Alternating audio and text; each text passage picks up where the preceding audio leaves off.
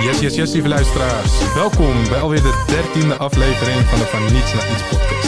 Vandaag zitten we in de studio met rasondernemer Zakaria Amlal. Zakaria studeert bedrijfskunde en begint al jong met ondernemen. In 2007 zet hij het mooie digital agency bedrijf Gracious op.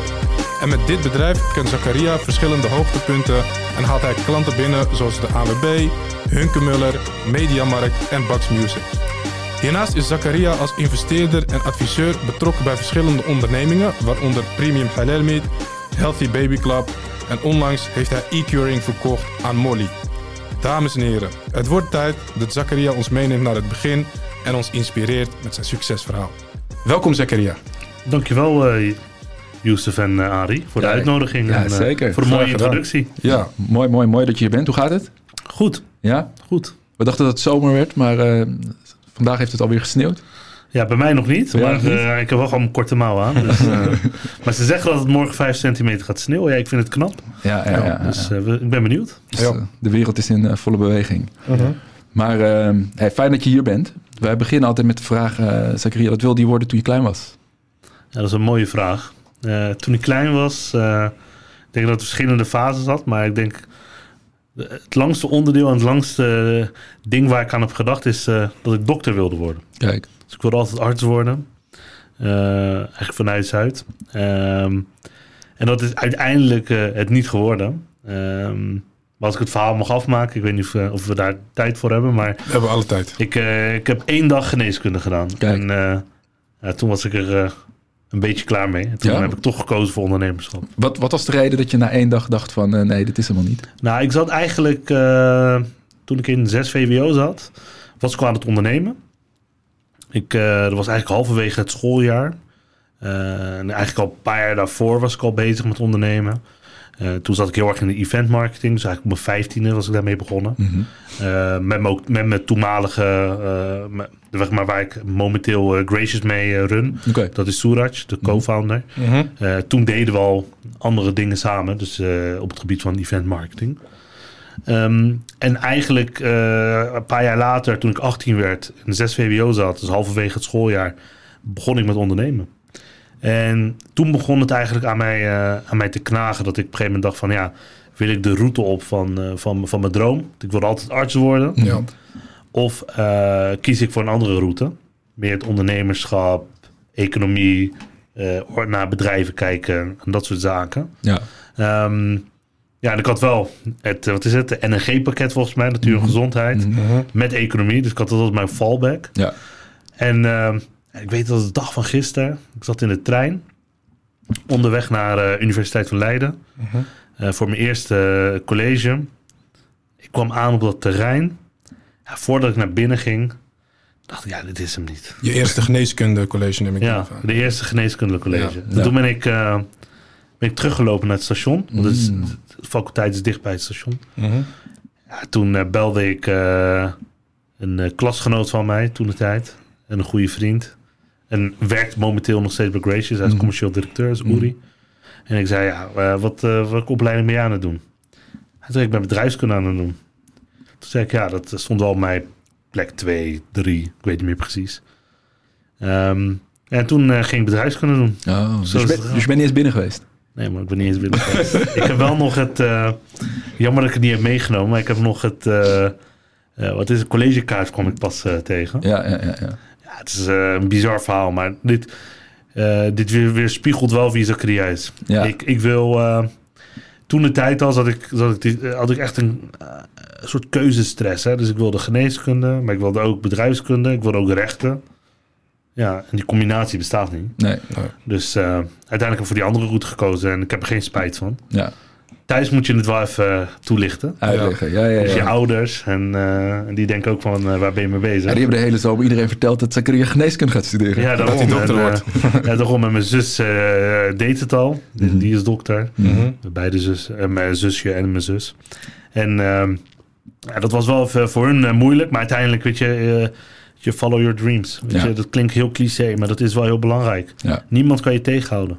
Ja, want je geeft aan eh, bedrijfskunde, stond ergens op twee of drie in de top drie van de Ja. opleidingen die je zou willen doen. Ja. Wat vond je zo interessant aan bedrijfskunde, buiten het feit omdat je goede vriend eh, die opleiding al deed? Kijk, misschien, misschien goed om, om toe te lichten waarom ik dus geneeskunde niet ging doen. Want ik wist Mhm. dat je committed moet zijn. Mhm. Dus om te slagen, moet je er vol voor gaan. Ja. Dat betekent dat je niet eh, het er even bij gaat doen. Kijk, als ik ergens aan begin, wil ik ook gewoon wil ik ook succesvol erin zijn.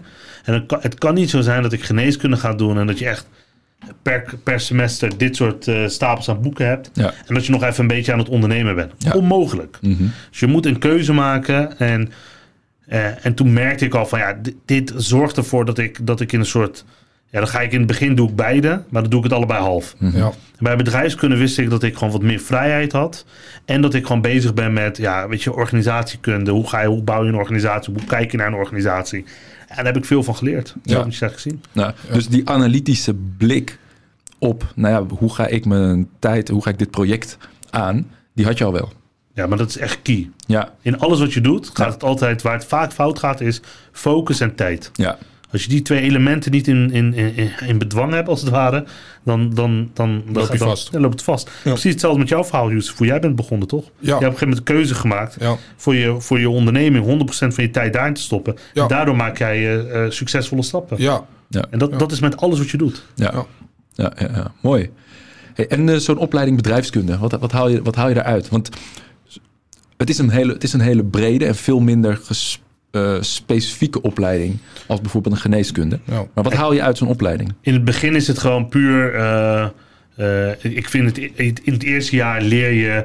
eh, eh, denk ik veel, omdat je dan allemaal nieuwe dingen krijgt. Maar uiteindelijk, je leert het in de praktijk. Mhm. Weet je, eh, laten we heel eerlijk zijn. Dat is allemaal theorie. Maar uiteindelijk, het echte, het echte vak. Weet je, ondernemerschap en alle skills die daarbij horen. Heb ik niet uit de boeken geleerd. Maar wat leer je wel op, op een opleiding bedrijfskunde? Je hebt hem. eh, waar Nou, we- we- ik denk Rotterdam, Mhm. want dat wilde je vragen. Ja. Eh, je, je leert echt kijken naar een bedrijf. Mhm. Hoe, bouw je een, hoe ziet een organisatie eruit? Wat zijn de pilaren? En welke pilaren heb je nodig om succesvol een bedrijf neer te kunnen zetten? Ja. Ik denk dat dat het, de, de, de, de, eh, de beste omschrijving is van wat je leert. Ja. Heb je daar vier jaar voor nodig? Nee, dus je kan het in drie jaar, je kan het ook korter, maar eh, dat is een goede vraag. Ja. Ik denk dat de praktijk eh, effectiever is. Ja, nou, mooi. En je noemt al een aantal keren, ehm, ik was al bezig met ondernemen. Ehm, wat was je aan het doen in, in die tijd? Ja, dat is wat ik. eh, daarom vond ik ook de vraag. eh de- de- ken, kent meerdere fases. Want je had op een gegeven moment dat geneeskunde. hè, En dat ik met events en event marketing bezig was op de middelbare school. Maar het begon al op de basisschool. Oké. Op de basisschool ehm, was ik altijd bezig met handelen. Mhm. Van kleins van aan. En ik weet, was de dag van gisteren. Ik had een, eh, een vriend toen de tijd op de basisschool.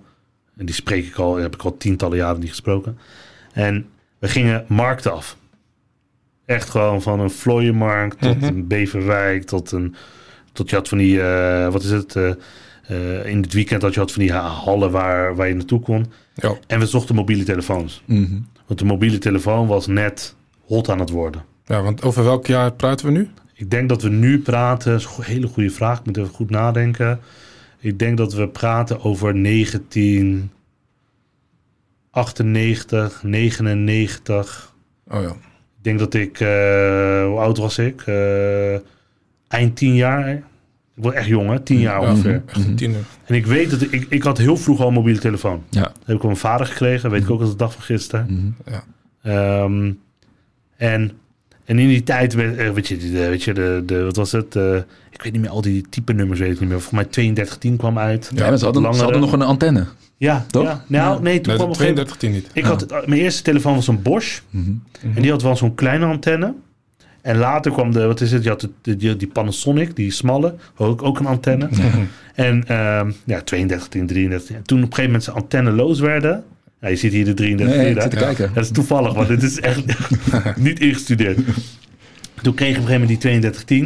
En je kon hier beltoon programmeren hè, erop. Ja, Ja. dat, werd ik, dat vond ik magisch. Mhm. Eh, en wij zochten die telefoons en dan gingen we gewoon in handelen. Ja. En dat was gewoon een big booming business toen de tijd. Ja. En, ehm, en toen begon, begonnen bij mij iets te kriebelen. En dat vond ik gewoon mooi.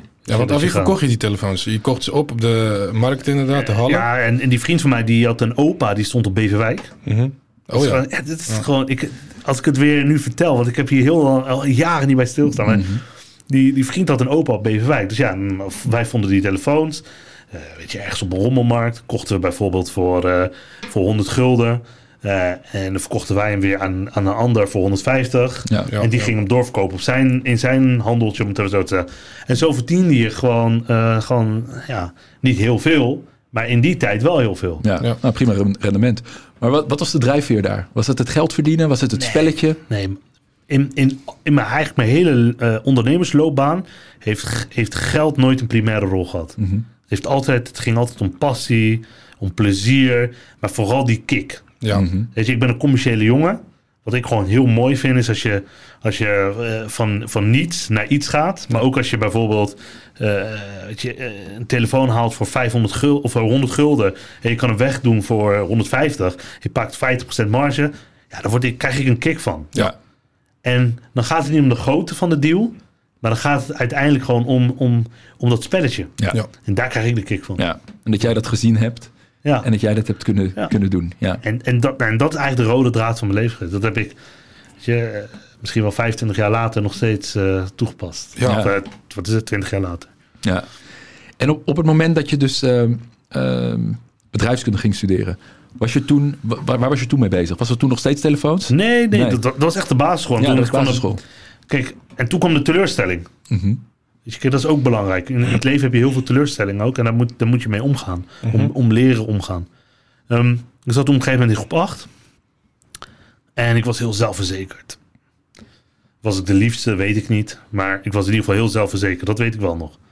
En ik zei altijd, ja, ik wil de dokter worden. Ja. Dat wist ik toen al. Ja. Mhm. Toen zei ik, oh, mijn advies wordt VWO. 100%. Ik, ook weer als de dag van gisteren. Op het schoolplein, 100%. Mhm. Ik ga dokter worden. Ja. Maar ja, ondertussen was ik met die telefoons bezig. Pokémon was helemaal hot hè, in die tijd. Ik weet nog dat ik ooit een Pokémon kaart had verkocht aan een sigarenboer. Mhm. Heb ik pas tegen mijn zoontje verteld. Dat is heel mooi. En dan zei hij, want ik had op een gegeven moment een Charizard van hem. Had ik verkocht. Ja. Om hem te leren, mocht hij zelf doen. Wat waarde is van zo'n kaart. Ja. Omdat zij gewoon, die dingen geeft hij gewoon weg. Hij is vijf jaar, hij heeft het niet door. Ja. Toen verkocht hij hem aan een jongetje. Van 13 jaar denk ik. Via Marktplaats. En dan kreeg hij 175, of 275, 175 euro voor. Gewoon voor een VMAX eh Charizard kaart. Ja, Ja. En, ik, en toen vertelde ik hem, toen zei hij, ja, maar waarom deed je dit papa? Ik zeg, als je besef hebt dat zo'n kaart, wat voor jou gewoon een kaart is, die hij scheurt of weggeeft, waarde heeft. Ja. Iets kleins kan waarde hebben. Toen vertelde ik mijn verhaal dat ik dat vroeger ook deed. Met de- van telefoons tot echt een Pokémon kaart die ik ooit heb verkocht voor 20, toen de tijd euro. Dan zaten we in die 20 euro. Wauw, dacht ik. Dus ik was met heel veel dingen bezig. En waardoor ik heel, z- en heel zelfverzekerd. Ja. Ik dacht, ik ga VWO doen. Het ging ook allemaal goed. Stijgende Ja. lijn, alles lukte. En toen kreeg ik die witte envelop. Want dat is echt, toen de tijd kreeg ik zo'n witte envelop. Hè. Oh, die was nog niet blauw. Van de Belastingdienst. Nee, nee, de, van, van school. Over school. Dus ik zit nog steeds in groep 8. ja, Je je bent nog niet belastingplichtig. Nee, Ik, moment. en ik liep naar huis. Ik, deed- ik deed hem open. En er stond in dat ik als advies heb gekregen... VMBO, kader eh, of lager. Maar in ieder geval heel laag. Mhm, ja. Zwaar onder de theoretische leerweg. Dus zwaar onder de MAVO. Want tegenwoordig heet het weer MAVO. Toen was het net over naar VMBO. Maar goed. Dat was een teleurstelling. Ja. Want ik zag alles in rook opgaan. Hè?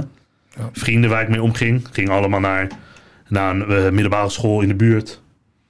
Ik, al, alle plannen die ik had naar welke school ik zag, ging, ja, ging niet meer door. Ja. En toen kwam de strijden van mijn moeder. Die had voor elkaar gekregen dat er dat een soort gemengde leerweg, theoretische leerweg werd. Zo'n zo'n tussenvorm. Maar toen moest ik nog een school vinden. En toen kwam ik in Delft terecht. Dus serieus acht kilometer van huis. Dus dat is elke dag fietsen. Toen is ze met moeite, want de, school die ik voor ogen had, dat kon niet meer. Omdat het een lager advies. Toen moest ze last minute de school regelen. Echt een paar weken voordat we zouden starten. En uiteindelijk heeft ze een school gevonden in Delft. Mhm. Ja, en, en, en toen veranderde eigenlijk alles. Dus ik was niet meer bezig met die telefoons. Toen dacht ik, mijn mindset ging, ging om. Ik moet focussen. Focussen.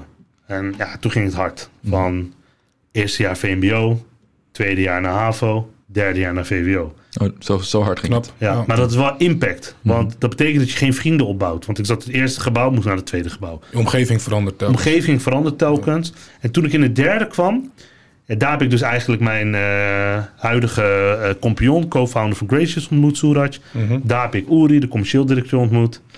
En dat is eigenlijk waar de journey begon. Nou, in- de derde klas was ik nog bezig met school. En in de vierde klas begon het te kriebelen. En toen begonnen we eigenlijk met dat je eigen events organiseren, event marketing. De eerste website hebben we met elkaar gebouwd, CMS'jes in elkaar ge- gezet. Ja. We waren daarmee bezig. Ja. Ja, toen begon het echt te kriebelen. Toen Ja. dacht ik aan, dat was de focus. En eigenlijk heb ik dat, wat is het, 18, 19 jaar lang eh, gedaan. En dat is uiteindelijk, is daar Gracious uit geboren. Oké, De huidige Gracious ontstaan daar op de middelbare school. ja, En dat heb ik alleen maar kunnen bereiken door die mindset, die knop om te zetten. ja, Want ik kon ook gewoon, eh, ja, van, ja, jammer dan, ik ga het gewoon doen. En dat is wat ik ook tegen de jeugd dan zeg. Weet je, we hebben het heel vaak over, ja, maar ik kan veel meer en ik krijg een laag advies, et cetera. Weet je, uiteindelijk start het bij jezelf. mhm, Je moet een keer dat moment vinden om gewoon die knop om te zetten. ja. Ja. Ja, ja. Dus eh, Mooi. En dan ontmoet je dus die, die twee compagnons, die op dat moment misschien nog niet je compagnons zijn, maar dat, ja, ach, eh, terugkijkend zie je dat. ja. En, ehm, en zo'n event, wat, wat, wat, wat is dat voor event? Ja, we, we, deden, we, we deden meerdere dingen. We organiseerden events voor, eh, voor de scholieren. Denk aan gewoon eh, events daar. Weet je, we hadden op een gegeven moment een keer een studentenhuis afgehuurd. En moesten ze 2 euro betalen, entree. Eh, en dat was gewoon echt gewoon volgens mij duizend man kwam erop af. Wauw. Eh, dan doe je 2 euro maal 1000, dat is 2000 euro. Dan denk ik van wauw. Ja. Ja, en eh, wel veel problemen, want we hadden een onbewaakte garderobe. dus waren op een gegeven moment heel veel spullen weg. Ja, en allemaal van die dingen dat je denkt van, je bent 15. Je, Ja. je hebt het allemaal niet door. Je denkt er allemaal niet bij na. En dat mag ook allemaal dan. Mag ja, dat allemaal. mag allemaal dan, weet je. Dat is heel anders. Ehm, en op een gegeven moment werd dat serieuzer en serieuzer. En uiteindelijk hebben we echt wel internationaal heel veel van die dingen gedaan. Ja. Eh, ook wel grote events. Ehm, maar daar gaandeweg waren we heel veel bezig met dat marketingstuk. En met het design en met onze eigen website. Daar ontstonden heel veel vragen uit. Ja. Ja. Vra- wat vragen van? Kan je een website voor ons maken? Oh ja, op die manier. Kan je de marketing oppakken? Van een eh, kapperszaak tot een Ja. eh, bakker om de hoek, eh, tot een horecagelegenheid die, die die vraag bij ons stelde. Ja, toen begon het te kriebelen bij, eh, bij, wel, bij zowel Soeraj als bij mij om daar iets mee te doen. Ja. Dat was heel mooi. Hij was echt een gamer, fanatiek, heel technisch. Hij was altijd gewoon met die, eh, in die clanks en hij was altijd gewoon heel fanatiek daarmee bezig. Mhm. Maar ook echt heel erg technisch onderlegd. Ik was heel erg creatief toen de tijd. Dat is heel mooi, want hij is tegenwoordig heel creatief. Mhm. Maar ik was toen de tijd heel creatief en ik had meer een marketingvisie op dingen. En dat, dat combineerde, dat was de chemie waar, waar uiteindelijk. Gracious uit is ontstaan. Ja. Ja. Wat ik interessant vind, je geeft aan dat jullie dan op dat moment bezig zijn met evenementen. Dat stukje ondernemerschap professionaliseert ook ten opzichte van de handel in telefoons, et cetera. Ja. Maar je gaf net in het begin ook aan, tegelijkertijd heb ik, ben ik nog steeds mijn droom na gaan jagen van arts worden. Dus hoe, hoe, hoe heb je op een gegeven moment die keuze gemaakt van oké, eh, dat evenementenbedrijf, arts worden, gracious, hoe is dat gegaan? Nou, dat is een goede vraag. Want je zit dus in die tweestrijd en die focus heb je dan nog niet. Maar de dag dat ik het bedrijf begon, 18 december was dat, was kerstgala. Ik kwam eh, toen op school aan en ik zei, ja, ik, eh, ik, ben, ik ben een bedrijf begonnen. En er waren een aantal van die, van die, van die jongeren, van die, van die klasgenoten, die zeiden, ja, het gaat niks worden. Weet je, je, je gaat nooit succesvol worden, het wordt niks. Ja. Dat was voor mij brandstof. Mhm. Ja, Toen bleef het, Motivatie. Weet je, motivatie. Het bleef maar een paar maanden bleef dat in mijn hoofd hangen. En uiteindelijk heb ik, wat is het, december tot en met september. In september heb ik die knoop doorgehad om vol daarvoor te gaan. En dat is september, september van, eh, Hetzelfde eh, jaar. van hetzelfde jaar. Maar, Ja. maar eh, was je toen al bezig met, eh, met eh, bedrijfskunde? Nee, in september werd ik gestart in Eh, bedrijfskunde. Oké, oké. Ja, dus je moet zo zien, het was een paar maanden voor... eh, dit, dit speelde een paar maanden voor de eindexamen. Ja. En, toen, en toen gingen we gewoon vol focus, Ja. bedrijf. En dat is vallen opstaan. Want Ja, wat, wat is de intentie op dat moment? Wat was de intentie van het bedrijf? Wat, wat gingen jullie doen? Ja, we wilden heel groot worden in de events. Ja, Marketing oké. daaromheen en alles. Echt, echt dat groots neerzetten. En hadden jullie een bepaald voorbeeld waar jullie naar keken? Ja, de- eh, weet je, van de IDT's tot, eh, tot eh, de Q-dances van deze wereld. Waren Ja. hele, eh, de Mojo's waren hele grote organisaties die heel groot waren. Maar wij wilden het anders doen. Wij wilden echt 360. Dus wij wilden enerzijds eigen concept ontwikkelen en die verkopen. Mhm. Dus gewoon, je bedenkt iets, helemaal kant-en-klaar. En iemand anders, een andere promotor gaat er verder mee. Ja. Dus wij willen heel erg het creatieve naar voren laten komen. En de hele marketing daarvoor verzorgen. Maar ja, dat klinkt allemaal heel interessant. Maar uiteindelijk, eh, de heftige klap kwam dus echt een jaar nadat we het bedrijf hadden begonnen. Mhm. Want toen begonnen, toen hadden we een heel groot event georganiseerd voor 5000 man. En welk jaar was dat? 2018 uit mijn hoofd. Eh, nee, niet Nee, 18. 18, dat is eh, 2008, heel sorry. Ja, Ja, ja, 2008. En het mooie is dan, wederom, weet je, dat is, we, we trokken wel een hele grote broek aan. En we begonnen dus dat, eh, dat, eh, dat- we hadden het evenement georganiseerd. Serieuze grote investering, ging om een ton plus. Mhm. Dat hadden we niet eens. Maar we hadden gewoon, toen de tijd hadden we wat meer sitevernoten erbij. Waren we met een groepje van vijf. En uiteindelijk, alles ging goed. De voorbereidingen, voorverkoop, alles. Maar op de deur bij de deur moest de rest komen. Wat gebeurde? Het was 5 december. Ook een mooie datum. Wat gebeurde? Het was extreem noodweer. Ja. Echt niet normaal noodweer. Het was koud. En er lag iets van 10, eh, 10 centimeter sneeuw. Oeh. En het ging gewoon mis. Ja. Mhm. In plaats van die 5000 haalde je 2200 of zo. Ja, En je had op een gegeven moment 80, 90.000 euro schuld. ja. Ja. Ja, en dan komt de ware ondernemer naar boven. Dan weet je wie er wel blijft staan en wie er als ja. verdween. Ja, ja, ja, ja, ja, op die manier. En uiteindelijk, weet je, dat weet je, short story, want ik denk dat het, daar draait deze podcast niet in, want ik wil het juist over die andere mooie dingen hebben. Maar uiteindelijk heeft wel dat de drive gegeven hebben, zowel Suraj en ik en nog wat andere jongens om ons heen, gewoon keihard gewerkt. Bijbanen erbij. Ik, ik werkte toen de tijd nog bij Telfort op het hoofdkantoor, deed ik er nog bij, ik onderneemde Ja. erbij. Het was gewoon, mindset was vol focus om, op, om al onze problemen op te lossen. Ja, Dat hebben we binnen tien maanden gedaan. ja, Mhm. In tien maanden waren we gewoon helemaal schuldenvrij, alles. En iedereen heeft elke cent gehad. ja, Ja. Ja, toen gingen we gewoon, toen zeiden we, weet je, we kunnen dit. ja. We hebben dit. We, toen waren we al bezig met websitejes en dat soort dingen. Toen zeiden we, ja, we moeten een hele andere koers op. We moeten het breder trekken. Niet alleen maar wedden op één paard. En uiteindelijk kwam daar eh, toen de tijd Grace Studios uit. En in 2018 veranderde dat echt naar Full Service Digital Agency Gracious. ja. Ja, want voordat we verder gaan, Gracious en wat de Gracious precies doet, welke, ja, welke marktkans lag er ten grondslag aan eh, die switch van evenementenbranche naar eh, Gracious? Je noemt al eh, een Ja, die- aantal elementen, maar Ja, welke goede belangrijkste? vraag. Ja, goede Ja. vraag.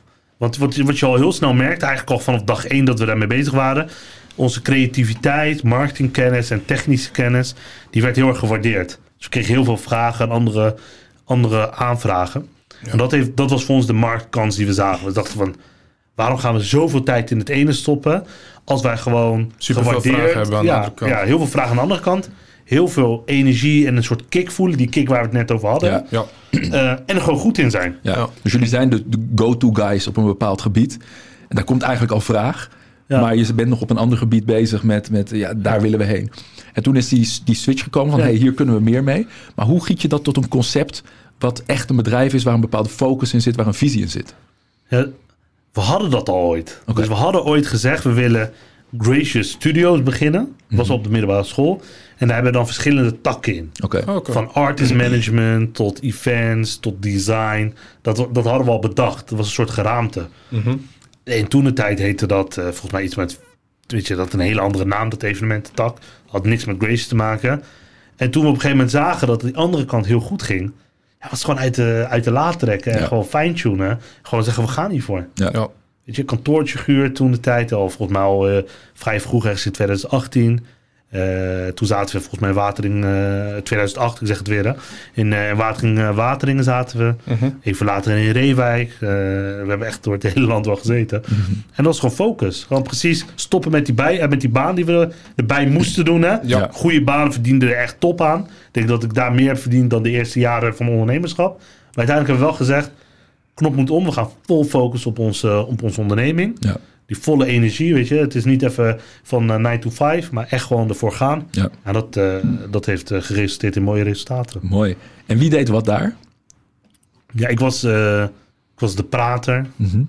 maar ook de, ook de lijm en de verbinder als het ware. Dus ik had heel erg een verbindende rol. Mhm. Ehm, dus ik was echt wel een mannetje van alles. Ik had heel veel disciplines mezelf eigen gemaakt.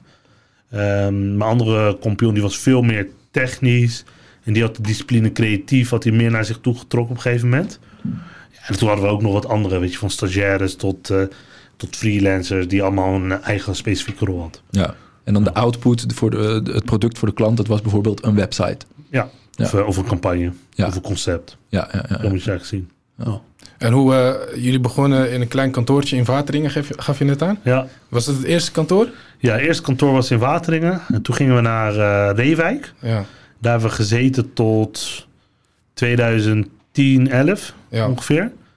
Ehm, en toen, toen werd de volgende pivot gemaakt. We zeiden we gaan vol echt een soort full-service bureau worden. Ja. We noemden onszelf marketing- reclamebureau toen de tijd. Ehm, en eh, toen hadden we een eerste opdracht. Eh, moet het een grote eerste opdracht. Die, die zat meer in de pharmahoek. Mhm. Mochten we websites en dat soort dingen voor maken. En dat ging heel lekker. En toen eigenlijk hebben we op een gegeven moment die stap gezet om in 2011 gingen we terug, oh nee 2010, 11 zo. We hebben een jaar in Reewijk gezeten, toen gingen we terug naar Den Haag. Leuk kantoortje. Het was gewoon ja, als je garage zat eronder, boven was een kantoor, het even zo te zeggen. Ehm, ja, toen begon het heel spannend te worden. We hadden een hele grote opdracht toen bij bol.com. Oké. Dat deden we. Dat was echt de overgangstijd van, van, van- ook in de techniek. Van we gingen van Flash gingen we naar, naar HTML, CSS eh, tijden. Dus meer voor de, voor de techneuten. We konden heel veel werk qua design, qua development doen. Eh, we hadden op een gegeven moment eh, vijf, zes, zeven man gedetacheerd daar. Het ging echt keihard. Maar voordat we die vijf, zes man gedetacheerd zaten, we waren nog maar een clubje van twee, drie. Ja. We hadden nog men- niemand op de loonlijst. Ja. Ja, en die stap om iemand aan te nemen als Ja. ondernemer, ja, die is moeilijk. De Ja. eerste is de moeilijkst. Ja. Ja, dat, dat weet ik als de dag van gisteren. Dat was echt, was 2011, 12.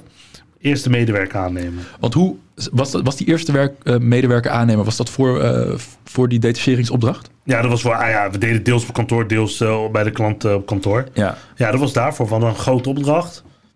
We wisten dat we hier heel veel business uit konden halen. Eh, maar je hebt wel de handjes nodig. Ja. We konden het zelf niet meer aan. ja. En wat, wat was er zo eng aan? Kan je ons, kan je ons meenemen in weet je, wat er zo eng is aan, aan iemand aannemen? Je hebt wel een opdracht, dus in principe er komt wat binnen. Maar wat is het probleem op dat moment? Eh, je, je bevindt je dan eigenlijk op een soort glad ijs. Want je weet niet hoe het fiscaal eh, geregeld is. Je weet niet hoe arbeidsrechtelijk geregeld is. Alle terreinen zijn nieuw. Mhm. Dus op dat moment zat je heel erg van... oké, maar wat kan er gebeuren? Stel dat we geen opdracht meer hebben. Hoe kunnen we hem dan Nog betalen. betalen? Hoe kunnen we hem ontslaan? Hoe werkt dat? Ja. En toen ben ik eigenlijk terug naar de tekentafel gegaan. En toen kwam, kwam, eh, werd mijn rol heel belangrijk. Toen heb ik gezegd... we moeten eerst zorgen dat onze hele juridische structuur... organisatiestructuur op orde is. En dat betekent dat we moeten beginnen met goede adviseurs om ons heen. Want alleen kan je het niet. Nee. Nou, we, eh, toen ging ik eigenlijk in gesprek met verschillende... We, we hadden toen gewoon een, eh, eh, ja, gewoon een simpele boekhouder, om het even zo te zeggen. Toen zijn we in 2011 op zoek gegaan naar, een- naar een serieus kantoor... die ons kon bijstaan op verschillende facetten. Zowel op advies, organisatieadvies... als fiscaal, als juridisch, maar ook arbeidsrechtelijk. En toen kwamen we eigenlijk bij ons huidige eh, accountant en adviseur. En die heeft ons gewoon helemaal meegenomen in het begin van... oké, dit zijn je risico's, dit zijn je voordelen... Zo gaan we het regelen. Gewoon een hele goede governance structuur, een hele goede organisatiestructuur neergezet. Ja, en dat heeft uiteindelijk gewoon, dat heeft de basis gelegd om gewoon wel die durf te zetten. Ja. En toen ging het hard, hè? Ja. Van de eerste werd de tweede. En letterlijk in een paar maanden tijd hadden we er vijf. Ja. Want als ik het zo hoor, gaat het super snel. In 2008 maak je de switch van evenementen naar Gracious. Hè? Je Ja. haalt het oude plan uit de la. Je gaat ermee aan de slag. Op een gegeven moment ga je een grote opdracht doen voor bol.com. Dus het bedrijf begint echt te groeien in omzet, et cetera. Eh, neem, ons me- neem ons mee. Hoe, hoe ben je daarna gaan groeien? Of, of misschien wel een betere vraag. Waarom haalden jullie de grote klanten als bol.com binnen? Wat, wat deden jullie anders dan anderen? Ja, onze drive, eh, onze, onze, onze energie, maar ook onze creativiteit. Dus wij konden heel snel creatief iets neerzetten. Weet je, het ging, we deden voor bol.com bijvoorbeeld game lanceringen. Er werd een nieuwe grote game gelanceerd, maar er moest een campagnewebsite voor gemaakt worden. Ja, wij snapten dat. Wij zaten in die doelgroep. We wilden dat gewoon goed neerzetten. Dus je merkte dat dat heel, heel, heel waardevol was. Ehm, en we zaten gewoon goed op de, op de golf. Hè? Wat Eh, snapten jullie?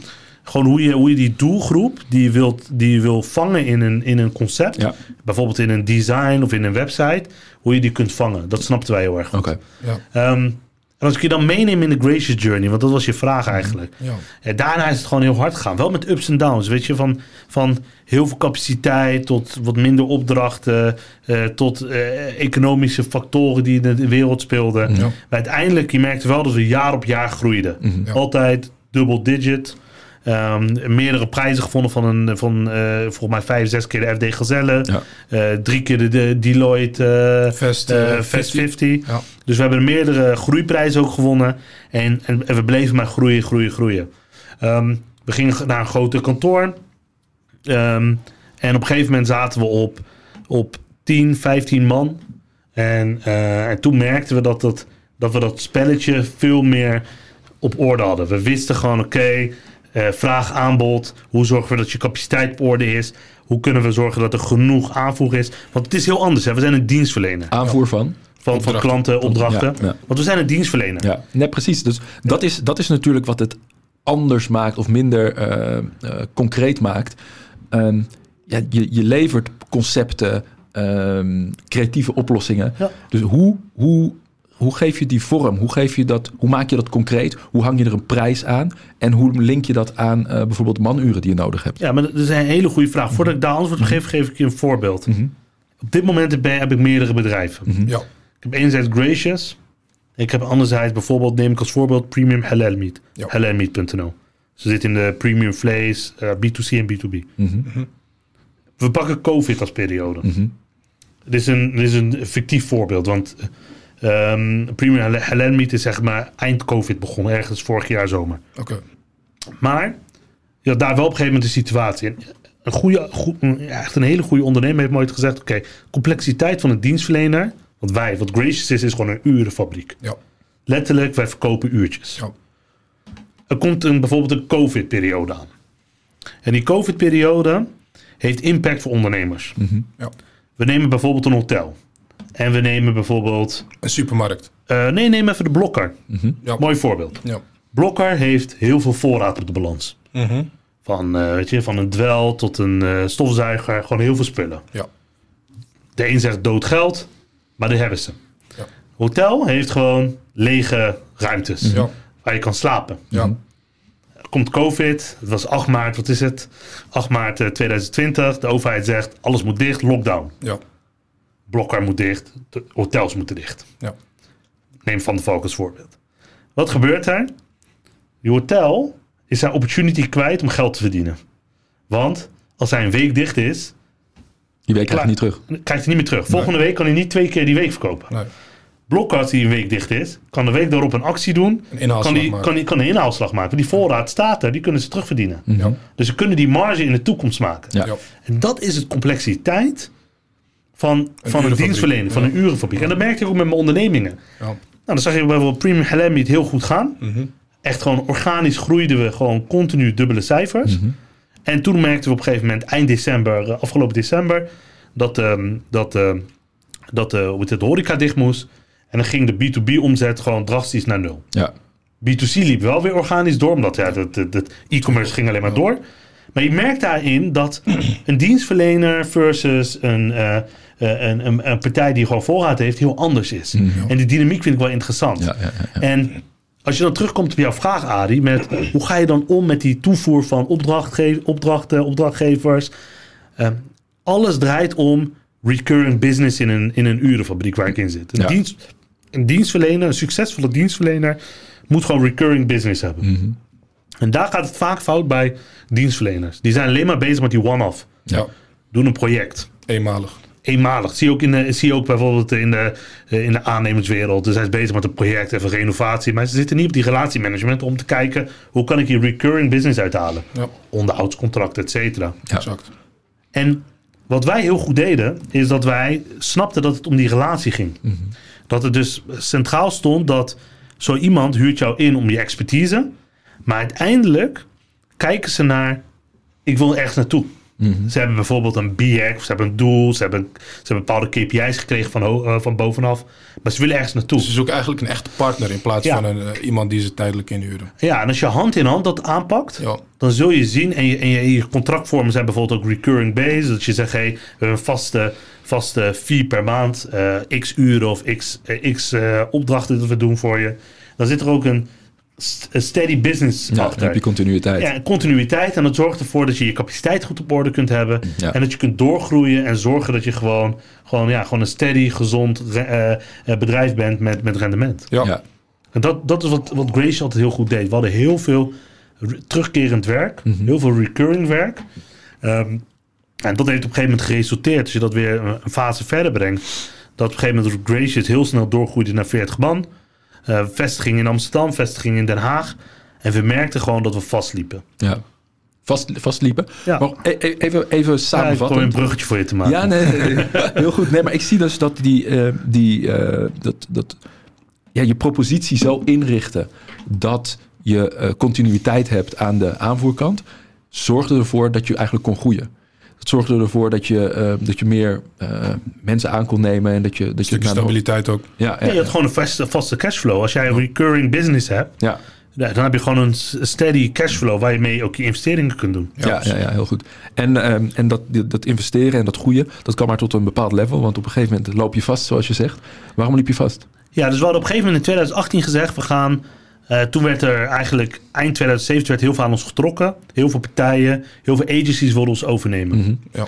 En dus gewoon, dat komt er eigenlijk gewoon neer. Ze kopen je en je wordt opgeslokt in die organisatie. Ja. En, en wat betekent dat? Want op het moment dat je een agency overneemt, wat, gaat, hoe, hoe, ehm, wat is de rol van die agency dan in, dat, in de grotere club? Ja, wat je ziet in binnen de digital agencies is dat heel veel consolidatie aan de gang is. Dat is gewoon stapelen van bedrijven. Opkopen. Om gewoon te zorgen dat uiteindelijk de EBITDA, dus de winst die je, die je maakt met het bedrijf, steeds groter wordt. En als jij eh, van. En je koopt ook een stuk concurrentie weg natuurlijk. Ja, dat. Maar vooral het gaat hem echt om die, om die om de winst te stapelen, klanten bij elkaar te brengen, mensen. Want we hebben een aantal uitdagingen in ons markt. Dat is talent. Oh, ja. Ja. Ehm, War on talent. ja, War of Talent is heel groot. En dat stapelen zorgt ervoor dat het bedrijf veel meer eh, body krijgt en veel meer eh, rendement kan maken. En uiteindelijk meer waarde heeft. uiteindelijk ja. de waarde van het bedrijf hangt af van hoe groot dat bedrijf is. Ja.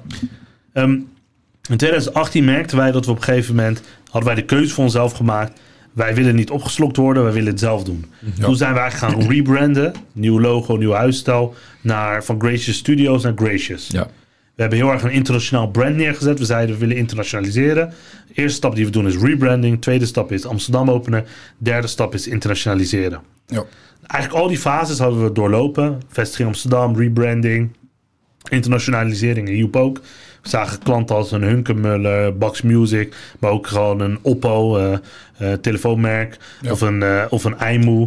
Allemaal internationale merken wilden met ons werken op het gebied van wat wij doen. Dus echt full service, concept en design, development en marketing optimization. Dus wij hebben verschillende disciplines in huis en dat voegen wij samen tot een, tot een effectieve shake waar je echt effect mee kunt maken. Toen, we die, toen we die verschillende fases afgerond hadden, dat is denk ik ergens eh, eh, begin eh 2020, merkte ik heel erg dat, dat we strategisch de volgende fase in moesten. Dat we, dat we echt wel, als wij eh het willen toedoen, dat we groter moeten. Het grote echt naar 100, 200, 300 man personeel. Nou, dat kan je allemaal op eigen kracht doen, maar daar, daar, daar gaat de markt te snel voor. Door die En, waarom, en waarom, waarom moet dat? Waarom moet je zulke, zulke grote aantallen mensen hebben? Omdat de vraag van de klant werd steeds meer full service. Ja. De vraag die werd gesteld is: oké, we hebben een vraagstuk. Wij willen bijvoorbeeld een nieuw concept lanceren. Daar moet een platform omheen gebouwd worden. Marketing moet gedaan worden. Development, al je facetten. Ja. Een partij met 30, 40, 50 man is te kwetsbaar voor de grote jongens. Ja. Dus ze willen gewoon een one- one-stop shop. Die gewoon meer disciplines bij elkaar heeft. Om ook de volgende fase in te kunnen gaan. Dus je moet in de breedte completer zijn. In de breedte en in de diepte. Ook. Ja, dus dat, dat maakt het complex. Ja.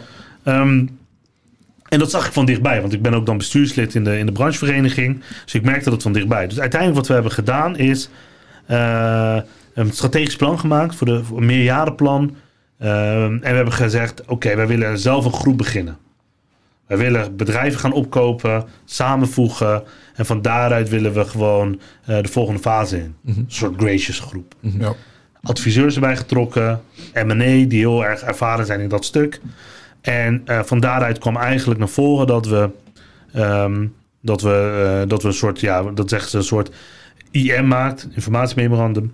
Daar staat alle informatie van je bedrijf, dat, eh, hoe, je, hoe, je, hoe je ervoor staat, wat je plannen zijn. alles staat erin. Gewoon een heel strategisch document. Nou, dat wordt in de markt gezet door dat soort partijen. En dan komen dan geïnteresseerde private equity investeerders op af. Ja, een soort van advertentie. Ja, maar dat wordt, wel dan, eh, dat wordt dan iets strategisch gedaan. Oké.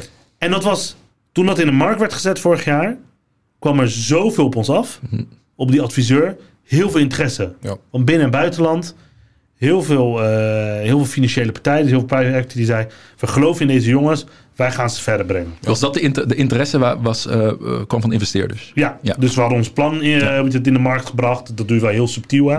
dat, daar heb je echt adviseurs voor die dat begeleiden. Ja. Eh, en er kwam heel veel interesse van, nee, wij geloven in dit plan. Wij willen investeerder worden in dit plan. En we gaan jullie verder helpen. Om gewoon naar die, we wilden op dat moment deden we 4, 5 miljoen euro omzet. En we wilden, en we wilden uiteindelijk groeien naar 30 miljoen plus. Dat Ja. was eigenlijk het idee. En daar heb je inderdaad heel veel mensen voor nodig. Ja.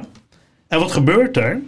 Op dat moment wil je je horizon ook ver- ver- ver- verbreden. Je adviseur zeggen, praat ook met strategische partijen. Dat zijn bijvoorbeeld groepen of partijen die je willen, eh, met je willen samenwerken. Dat kunnen concurrenten zijn, dat kunnen andere, andere vormen zijn. En je gaat die gesprekken aan. En uiteindelijk zaten we op, op, op, op de splitsing dat we ehm, eh, een tweetal investeerders hadden en een groep die interesse in ons had. En wat jullie ook eh, onlangs hebben gelezen in, in de bekendmaking, Mhm. Ja. hebben we na heel veel wikken en wegen gekozen voor de groep. Voor mij was dat heel moeilijk. Want ik ben die ondernemer in hart en nieren. Ik doe 101 dingen erbij. Ja. En, eh, en ik zag een droom anders lopen. Mhm. Want ik dacht, ik wil het zelf. Ik wil zelf aan het Ja. roer staan. Ik wil het helemaal zelf gaan bouwen. 100% invloed. Ja, maar ik ben ook een realist. Ja. Ik kijk ook gewoon naar de markt. Wat speelt er? War of talent. Hoe heet dat? Het, echt het gebrek aan talent. Dus niet een beetje ook, maar bijvoorbeeld developers onmogelijk om te vinden op dit moment. Ja. Weet je, goed, goed personeel is, is, is, is key in een, in een dienstverlenend bedrijf. Ja. Toen we het gesprek aangingen met, met die andere groep, in dit geval Happy Horizon, Ja. ehm, en we spraken de founder daarvan, maar ook de, de, de investeerder erachter, dat is MG Partners. Ja, toen voelden we een bepaalde vibe. Mhm.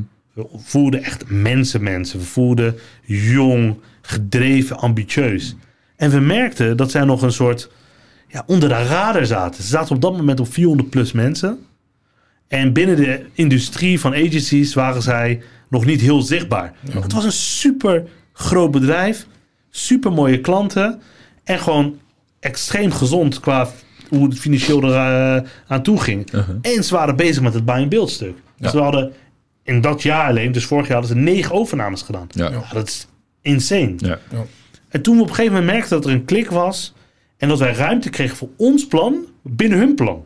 Dus ons plan eh, van zowel eh, het opzetten van eh, verder uitbouwen van Gracious, eh, internationalisering, et cetera, werd eigenlijk samengevoegd in hun plan. Ja. En wij kregen gewoon, wij krijgen de kans om, eh, om daadwerkelijk gewoon Gracious verder uit te bouwen. Dus wij gaan, we Onder gaan jullie voorwaarden. ja, we gaan dus de, de, de, in de gezamenlijke voorwaarden. Want uiteindelijk is het allemaal Ja, co-creatie. Ja.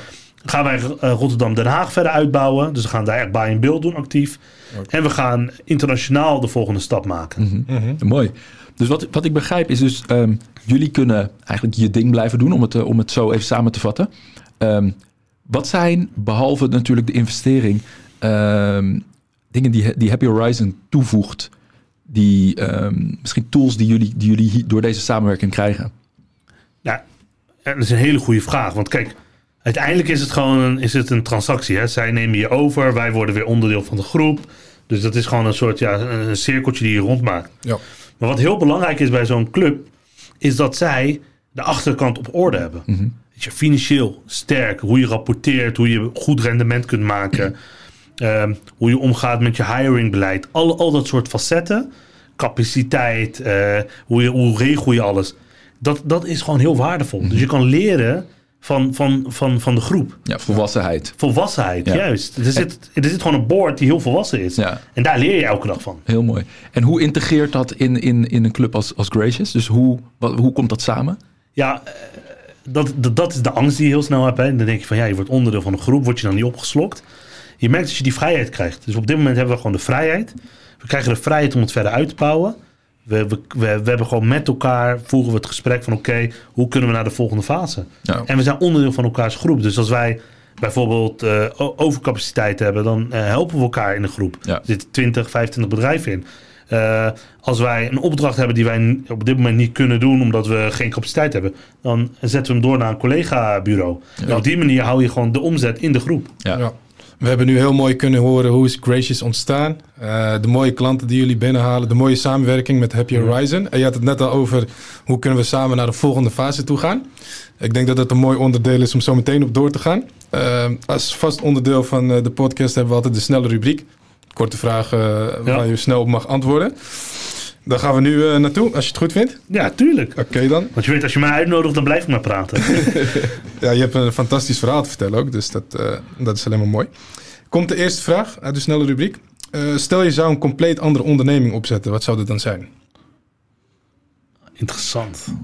Uh, ja, dat, ik vind deze lastig. Waarom vind ik deze lastig? Omdat ik gaandeweg, dus eigenlijk sinds uh, 2020, mm. Op een gegeven moment mijn horizon heb verbreed. En, want ik ben gewoon een ondernemer. Dus ik merkte dat het ging kriebelen. Heb ik meerdere dingen gaan uh, opgezet. Ja. Dus we hadden, we hadden, toen al die joint venture met Molly hè, van e-Curing. Ja. E-Curing werd op een gegeven moment verkocht en samengevoegd. Ge, eigenlijk gefuseerd met Molly. Dus het ging daarin door. Uh, Molly Subscription. En ik merkte dat het bij mij ging kriebelen. Dus ik begon verschillende dingen te doen. Ik begon een vastgoedbedrijf op te zetten. Ja. Ik begon uh, te investeren in een, in een healthy baby-achtige organisatie. Uh, ik begon in de, in de vleesindustrie om daar een keerpunt te brengen van hoogwaardig, kwalitatief uh, eten, als het ware, in plaats Ja. van hormonen en antibiotica gevoed vlees, het even zo te zeggen. Dus ik ben daar al elke dag mee bezig. Dus Ja. ik krijg juist die kick in nieuwe ideeën waar ik jaren geleden aan heb gedacht. Of dat ik dacht van, dat wil ik een keer doen. Ja, die droom ben ik nu aan het volgen. Als het Interessant. Maar dus Ja. zijn er, zijn, eigenlijk is misschien de vraag dan, ligt er nu iets op de, op de planken? Wat, waarvan je zegt van ja, als ik die tijd, want tijd is een, eh, is een, eh, een, eh, een schaarste. Ja. Maar als ik die tijd zou hebben, ja, dan zou dit het eerste zijn wat ik eh, aan zou pakken met twee handen. Ja, goeie. Je stelt hem, je draait hem wat een hele goede vraag. Die tijd los ik op door goede mensen om me heen te hebben. Dus ik probeer mijn kennis over te brengen aan andere jong gedreven, groot gemotiveerde mensen. Uh, we willen eigenlijk gaan kijken hoe we nu bepaalde concepten die we hebben, zoals een premium halal meat, om dat landelijk naar een volgend niveau te tillen. Dus daar zijn we as you speak over aan het nadenken. Kijk. Dan kan je me een beetje inkleuren. We komen zo meteen nog even kort terug op alle investeringen Ja. uh, en andere bedrijven die je Ja. naast Gracious uh, nog hebt. Tweede vraag uit de snelle rubriek. Uh, in welk ander land zou je willen ondernemen? Nou, die is heel makkelijk. Dat is Dubai. Ja. Oké. En dat gaat 100% gebeuren. Ja? Ja. En waarom? Nou, dat is een, uh, een droom die ik al heel lang heb. Mhm. Dus uh, daar ben ik ook serieus mee bezig. Om te kijken van wat kan het brengen. Dus ik ben enerzijds aan het kijken hoe, hoe kan het binnen het vakgebied dat we aan het doen zijn. hoe kunnen we dat als groep daar wellicht wat mee. Mhm. Uh, maar, maar ooit uiteindelijk het droom is om daar te gaan wonen. Dus Ja. uh, daar ben ik naar toe aan het leven. Of het over vijf jaar is, tien jaar of over drie jaar. Weet je, de enige die dat weet is, uh, is uh, Allah, zeggen wij Ja. dan. Hè? Ja. Maar uh, dat zullen we dan zien. Ja. Een Oh, gast die zei ooit hier uh, bij de, in de podcast uh, dat het lot zich niet laat sturen. dus dat komt vast goed. En natuurlijk heel veel energie. De, de energie daar in Dubai, dat is natuurlijk uh, gigantisch. Ja. Ja. Enorm veel kansen. Ik vind het een inspirerend land. Ja, dat Stad, gevoel heb ik land. ook altijd als ik daar Ja. ben. Ja, land slash stad, eh, emiraat. En dan de laatste vraag uit de snelle rubriek. Met welke ondernemer zou je graag een kop koffie willen drinken? Um, Hoeft niet per se een ondernemer te zijn, mag ook een, maakt niet uit, een mens, een ander mens. Hoeft niet per se iemand te zijn die in de business zit. nou, ik vind het. Uh, ik vind het ook een uh, hele moeilijke vraag. Want je kan heel snel denken van, weet je, een Elon Musk is, is heel inspirerend. Weet je, dat soort, dat soort achtige types. Hè? Wie komt er als eerste op? Elon Musk kwam heel erg in me op. Mhm. Wat ik vooral ben, wat is nou zijn daadwerkelijke drijfveer? Ik heb zijn boek gelezen en dat soort dingen. Ik ben echt benieuwd wat er echt achter schuil gaat. Ja. Want er zit een groter plan achter. Dat merk ik aan alles. Er zijn Ja. puzzelstukjes die je aan het creëren is. Ja? Ja, dat gevoel heb ik. Ja. En dan zou je willen vragen, hey, wat is het grote plan erachterna? Nou, dat, uh, dan ga je, krijg je het antwoord niet. Dus we gaan nog wat subtiele vragen, wat jij ook goed doet. En jij ook. Uh, we gaan wat subtiele vragen halen om zelf die puzzel in ons hoofd uh, te creëren. ja, ja, ja. Maar ik ben, het, ik ben het ermee eens dat, zeg maar, als, ik, als er iemand is, weet je wel, die, die, die meer zou willen snappen waar iets, waar iets achter zit, dan is, hij het wel het Elon Musk, ja. Ja. Ja. Weet je ook het, het gemak waarmee hij sommige dingen lijkt te doen. Dat, ja, hij lijkt gewoon anders dan, uh, anders dan, uh, dan, dan alle anderen. Ja. Ja. En de andere die ik dan jullie ook wel meegeven is... Je hebt de, de sheikh of de ruler van Dubai. Mhm. Daar wordt, je hebt daar twee kampen. Heel negatief, heel positief. Maar dat is meer, meer, meer vanuit thuis, hè. Dat, hij, eh, dat hij niet heel keurig is, wat men, wat men zegt. Maar goed, daar hou ik me even buiten. Maar ik heb een boek van hem gelezen over de visie van hoe hij keek naar het verhaal. En wat mij heel erg inspireert aan het verhaal... is dat hij op een gegeven moment een keer zei in een quote... Ik, toen ik klein was, was ik bezig met... eh, was ik zandkastelen aan het maken. Ja. Eh, met water en alles. En dat, weet je, dat, eh, dat ging steeds kapot. En al zijn vriendjes keken naar hem, wat ben je mee bezig? En op dit moment bouwt hij op het water. Mhm. En is hij, is hij zijn plannen aan het uitrollen. Wolkenkrabbers in de Sahara. Ja, dat soort zaken. En Ja. ik denk, wat ik indrukwekkend vind, als ik, als ik een dag met hem mag optrekken, ik denk dat ik er zoveel van zou leren. Maar wat hij indrukwekkend, wat ik indrukwekkend vind van zijn verhaal, is dat wat hij in 30 jaar heeft gerealiseerd, samen met zijn mensen, is extreem indrukwekkend. Ja. Dat hebben wij in heel het westerse wereld nog nooit voor elkaar gekregen. En dan krijg je als een simpele antwoord geld. Maar dat is het niet. Want in bijvoorbeeld, volgens mij is het Kenia of Nigeria. eh, daar zitten heel veel, eh, denk aan eh, bepaalde mineralen, stoffen, et cetera, in de grond. Meer dan je kunt vinden in de, in de Emiraten. Ja. Maar doordat het systeem corrupt is en het systeem niet, niet de juiste leiders heeft, Mm. is het, staat het op een hele andere level dan, dan andere landen. Ja. En wat ik van, vanuit zijn verhalen heb geleerd en zijn boeken, is dat leiderschap is key voor succesvol Ja. zijn. Het is een echte visionair, hè? Ja, visionair met leiderschap, eh, leiderschapskills. Want Ja. Dubai was ooit een, eh, een simpel vissersdorp. Ja. Met helemaal niets. En als je ziet wat daar nu uit eh, is gekomen, inderdaad, is dat spectaculair. Ja. Ja. Nee, maar dat is, dat, is, dat is interessant. Ik vind de vergelijking die je maakt met bijvoorbeeld een... eh, ik weet dat zeker Congo. Congo is, eh, staat ook bekend omdat het helemaal vol zit met goud, bauxiet Ja, en alles wat, je diamant. wat, wat wij denken dat veel waard is. Maar ik, lu- ik luister ook veel naar een andere podcast. Die zou ik ook wel aanraden aan iedereen die, eh, die, die geïnteresseerd is in ondernemen en alles wat groter is dan dat. Het is Naval. Kennen jullie? Naval, Ja. grafikant. Ja. Weet je, en die heeft het ook over, weet je, er, be- er bestaat geen schaarste, andere schaarste dan de schaarste van ideeën. Want uiteindelijk gaat het om oplossingen. Weet je, en inderdaad, dat een Dubai in de, in de woestijn gebouwd wordt. En op andere plekken die vol zitten met, met alle rijkdommen die er zijn, dat daar niks gebeurt. Dat is daar denk ik wel het, voor, het, eh, Ja, het bewijs van. 100%. Ja, Ja. ja. Ja, Ja, dus die visie, die visie die. Visie en uiteindelijk die visie in praktijk brengen door, door effectieve leiderschap. Ja, dat is wat je wil. Ja, Ja. We hebben het in de korte rubriek ook even kort gehad over, ehm, over de andere bedrijven waarin je investeert, waar je adviseur van bent. In de intro eh, is het ook naar voren gekomen. Het gaat om eh, premium eh, halal meat, healthy baby club. Ehm, ja, je hebt natuurlijk ook e-curing ooit opgezet en succesvol verkocht aan Molly. Kun je, kun je daar misschien iets meer over vertellen, over die andere bedrijven waar je mee bezig bent? Ja, nee, e-curing is ontstaan eigenlijk als soort joint venture samen toen de tijd met eh, Adriaan Mol en eh, Gaston. Ja. Ja, en dat was, dat was echt, ik vind het een van de fantastische avonturen die ik had. Want ik was daar wekelijks te vinden en veel geleerd van, eh, van beide heren. Eh, vooral in de, in de tech, maar ook in de financiële tech, echt fintech. was dat een klant van je? Ehm, nee, het was echt, het is spontaan ontstaan toen de tijd. We, hadden, we, hadden, we hadden wat software ontwikkeld en ze hadden er interesse en we hebben op een gegeven moment gezegd, we gaan dit verder brengen. Eh, uiteindelijk was het voor, voor het bedrijf en voor de, voor de tooling beter om dat samen te voegen. Eh, dus dat is toen natuurlijk op die manier gegaan.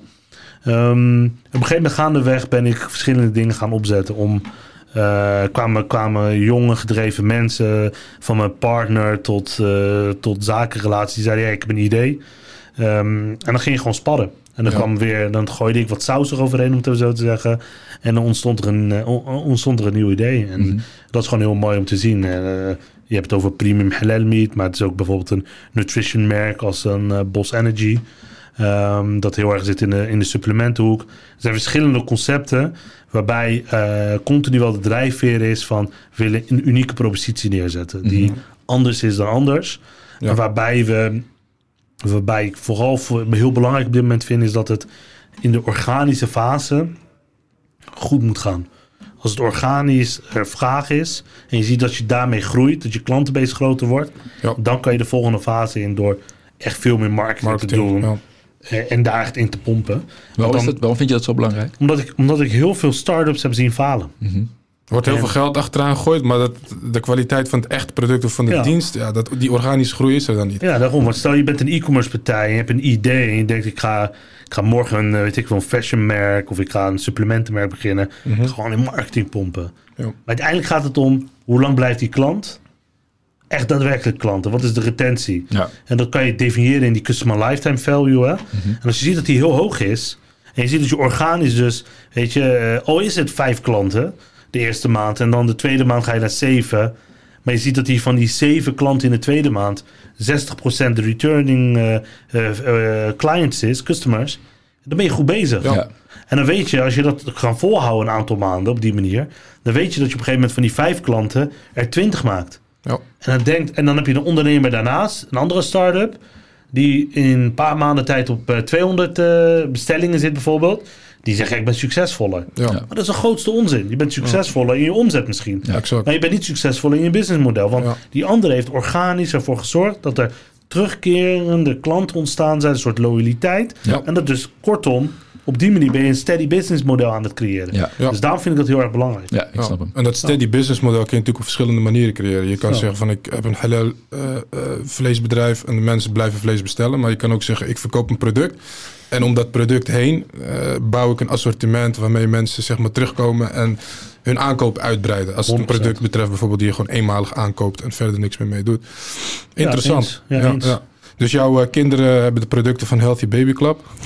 Ja, dat is Thuis wordt er vlees geconsumeerd van je eigen eh, bedrijf? Of, eh? Ja, ik vind het wel belangrijk dat, weet je, dat je je eigen, waar, als, je, als je ergens in investeert, moet je er 100% in geloven. Moet je zelf het ook ook zelf wel gebruiken. Ja, ja. Als je het zelf niet gebruikt, ja, dan investeer je alleen maar voor het rendement, maar dat moet je niet doen. 100% Ja, ja. mee eens. Ja. Nou, wat wel interessant is aan je activiteit, is dat ze eh, vrij gespreid zijn. Weet je? Ja. Het, zijn, het zijn echt verschillende dingen. ja. Vind je, ik, haal je daar energie uit? En hoe belangrijk is het volgens jou om ehm, ja, eh, activiteiten te hebben die dicht bij elkaar liggen?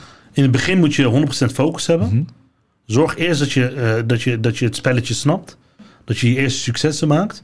En op een gegeven moment moet je kijken naar jezelf. Past het bij mij om meerdere dingen te doen? Ja. Er zijn misschien wel acht, negen van de tien eh, ondernemers kan het niet. Mhm. Die is goed in focus houden. Dus voor de luisteraars, focus is key. Ja. Dat is echt belangrijk. Mooi ik ben een heel ander beestje. Mhm. Ik ben iemand die houdt van heel veel dingen tegelijk doen. Mhm. En eh, daar haal ik gewoon mijn energie uit. Ja. En waarom is het heel erg van elkaar af? Ik vind dat branche, eh, dat brancheoverstijgende en dat, dat je branches combineert, dat zorgt ervoor dat mijn creativiteit omhoog gaat. Ja. Dus ik kan heel creatief een solution brengen bij een andere ondernemer. En daarmee kan ik ze bepaalde tips en tricks geven die ik heb geleerd in mijn, in mijn, in mijn, in mijn, in mijn andere activiteiten. Ja. En hetzelfde doen we ook in Gracious. We hebben heel erg, onze portfolio is heel erg, ja, heel erg niet branchegericht. Dus we hebben heel veel branches van, van uitzendbureaus tot, eh, eh, tot een partij in de, in de lingerie, tot, eh, eh, tot in de elektronica. Elektronica, ja. Daar leer je zoveel van. Want Ja. ik kan die ene klant, kan ik wat leren van andere branches, waarmee je dus niet alleen maar die one-trick pony tafereelen steeds doet. Ja, Ja, want ik doe alleen maar fashion. Ja. Maar dat, dat werkt niet. Uiteindelijk, als je echt iemand advies wil gaan geven, moet je ook breder kijken naar de markt. Mooi, mooi. Dus ja. het, houdt je ook, het houdt je ook scherp. Ja, En het, het, het, eh, je moet blijven nadenken. klopt. Ja, ja, ja, klopt. Nou, vanuit Gracious ben je eigenlijk heel veel verschillende markten aan het bedienen. Waardoor Ja. je inderdaad heel veel kennis opdoet. En van daaruit kun Ja, je... de beste leerschool, ja. Beste leerschool. Ja, 100%. Ja, we hebben het in het, eh, voordat de snelle rubriek aanbrak, hebben we het even kort gehad over eh, de samenwerking met Happy Horizon. Ja. En je gaf mooi aan van we- zijn nu klaar voor de volgende fase. Ja. Kun je daar misschien iets meer over vertellen? Ja, we, willen gewoon als, we willen gewoon als groep er echt toe doen. Dus wij willen bij de, bij de, bij de internationale top horen. Mhm. Eh, we zitten nu al op een mannetje op 600. Eh, actief door heel Nederland. We hebben meerdere hubs. Apeldoorn, eh, Want sinds Arnhem. wanneer, eh, sorry dat ik je onderbreek, sinds wanneer is de, heb, zijn jullie de samenwerking met Happy Dit Horizon jaar. aangaan? Ja, dit, jaar. Ja, dus we hebben nu meerdere hubs van Amsterdam, Arnhem, Apeldoorn, Eindhoven. We zitten dus heel door het hele land. Ja, en het idee is om gewoon verder door te groeien. Mhm. Dus we gaan daar een mooie stappen in zetten. Dus we gaan kijken hoe we, hoe we, hoe we onze dienstverlening kunnen verbreden, verdiepen. En gewoon een, gewoon een heel gaaf als een bedrijf neer te zetten. Ja. En daar, daar, daar wordt mijn rol met mijn team zit hem heel erg op eh, Rotterdam, Den Haag en internationaal. en Ja. Dubai. Ik hoop het. En, en internationaal, waar hebben, we- waar hebben we het dan over? Waar, waar, waar richt, je- richt je je Wat je, pijlen op? Ja, wat je ziet gewoon bij, bij de klanten die we bedienen eh, als, als groep is dat, dat ze ook internationaal bezig zijn. Dus ja, je hebt e-commerce spelers die al internationaal bezig zijn. Eh, een van de grotere klanten van Gracious is Vogels. Mhm. Nou, die kent Youssef van de Muurbeugels. Ja, absoluut. Ja, heel veel luisteraars zullen het niet kennen. Mhm. Maar als je het nu zegt en je ziet het logo, dan denk je, oh ja, ik ken het wel. Ik heb het thuis eh, Ja, voor mijn ja. Sonos apparaat of voor mijn tv. Ja, Maar die zitten internationaal over de hele wereld. ja, Ja. Die bedienen wij. ja. En je ziet, om die klant nog beter te bedienen, moet je ook gewoon, weet native marketeers hebben. eh, en dat soort zaken in, Ja. in, in de desbetreffende landen. Want je hebt cultuur, Eh, culturele verschillen spelen, op, spelen ja, een hele grote rol in Prins. Kijk, in dit geval eh, kunnen we het zeker goed doen, omdat we gewoon eh, de West-Europese markt goed in kaart hebben. En goed, goed binnen onze dienstverlening eh, eh, hebben laten integreren. Maar uiteindelijk, als je echt wel bepaalde merken wilt binnenhalen en kunnen bedienen, moet je verder kijken dan alleen maar de Nederlandse landsgrenzen. Ja.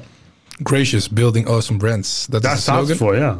Wat is de ultieme droom van eh Zakaria? Mijn ultieme droom. Ehm, ik ben al echt van, van kleins af aan eh, aan het ondernemen. Mhm. Dat betekent dat ik heel veel dingen heb overgeslagen. Dus weet je, studententijd bestond niet, dat soort dingen. Ja. Dus voor mij is het heel erg belangrijk. Ik ben, ik ben getrouwd, ik heb twee prachtige kinderen. Mhm. Dus uiteindelijk wil je wel ook gewoon de volle focus daaraan geven.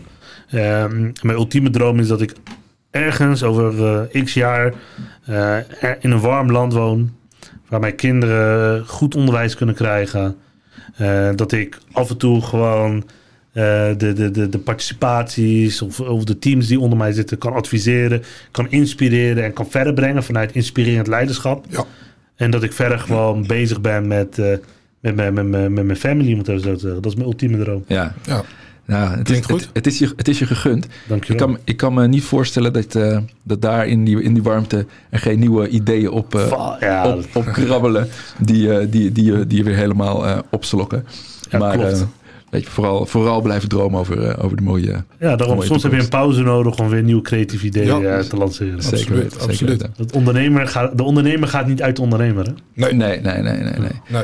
Nee, ehm Zakaria, het is een, een fantastisch verhaal wat je, wat je vertelt. Ik denk dat, eh, dat wij allebei, maar ook onze, onze luisteraars hier heel erg door geïnspireerd eh, zijn. Ehm, we gaan je blijven volgen. Hoe kunnen we je volgen? Dat kan via Instagram, eh uh, Zakaria Amlal. Dat kan via LinkedIn. Eh, volg me, stuur me een DM. En dan eh, zal ik erop reageren. Kijk. Bij het alle spam. Kijk, kijk, kijk. Maar eh, ja, dat eigenlijk. Hey, en eh, zijn wij nog iets vergeten te vragen?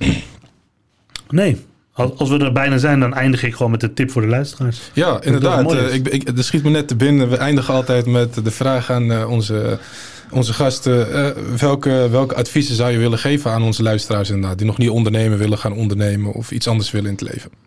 Ja, kijk, ik denk uiteindelijk, ik denk dat jullie in, in jullie luisteraarsbase waarschijnlijk ondernemers zitten en ondernemers in SP, maar ook gewoon mensen die geïnspireerd willen raken. Ja, En weet je, kijk, heel cliché, dan zeg je eigenlijk voor die drie groepen, volg je hart. Dat is het belangrijkste. Mhm. Dus je doet het gewoon. Dus of je nou een bepaalde functie binnen een bestaand bedrijf wil en je wil hogerop, volg je hart, neem het initiatief en durf echt daadwerkelijk je uit te spreken. ja.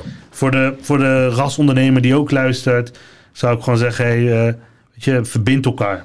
Blijf elkaar inspireren. Want uiteindelijk, heel vaak zie je dat heel veel concurrentie is en heel veel van: hey, ik houd het allemaal binnen kamers. Maar uiteindelijk, weet je, knowledge has no value unless you share it. Weet je, het gaat Ja. om die kennis die je met elkaar deelt. En de taart is groot genoeg. En die taart is groot genoeg. Weet je, gun elkaar, help elkaar en deel met elkaar. Want zoveel waardevolle lessen, wat jullie ook doen met jullie podcast.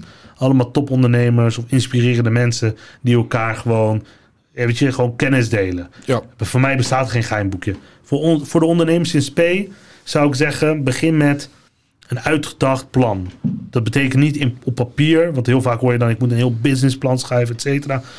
Allemaal leuk, maar met een uitgedacht plan bedoel ik, het kan ook in je hoofd zitten. Maar in ieder geval, wees dat je bekend bent met welke markt wil je bedienen. Wat is nou, wat mijn unique selling point is en waar wil ik over x periode staan.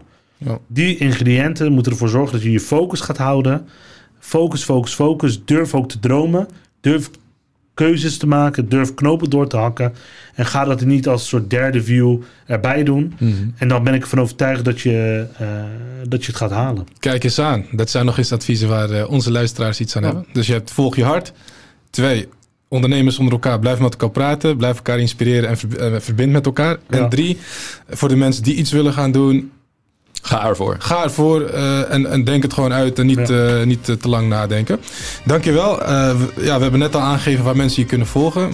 Maar er zijn natuurlijk ook wat concrete websites waar, men- met websites waar mensen terecht kunnen. Waar kunnen bijvoorbeeld eh, de, de luisteraars meer informatie vinden over, eh, Ja, over Gracious premium is, food bijvoorbeeld, waar je ook in zit? ja, om even te beginnen, gracious.nl voor alles wat te maken heeft met full service eh, digital agency. Ja, Ehm, daar ben ik ook dagelijks eh, met volle energie eh, meer dan 60, 70 uur per week mee bezig. ja. Eh, ben je op zoek naar echt eh, antibiotica, hormoonvrij vlees, biologisch. Kijk, ja. Ehm, ja, dus eh, let's do it. Let's do it. Let's Dankjewel do it. voor je tijd. Amlao, hartelijk dank. Ja, Yes. Dank jullie wel.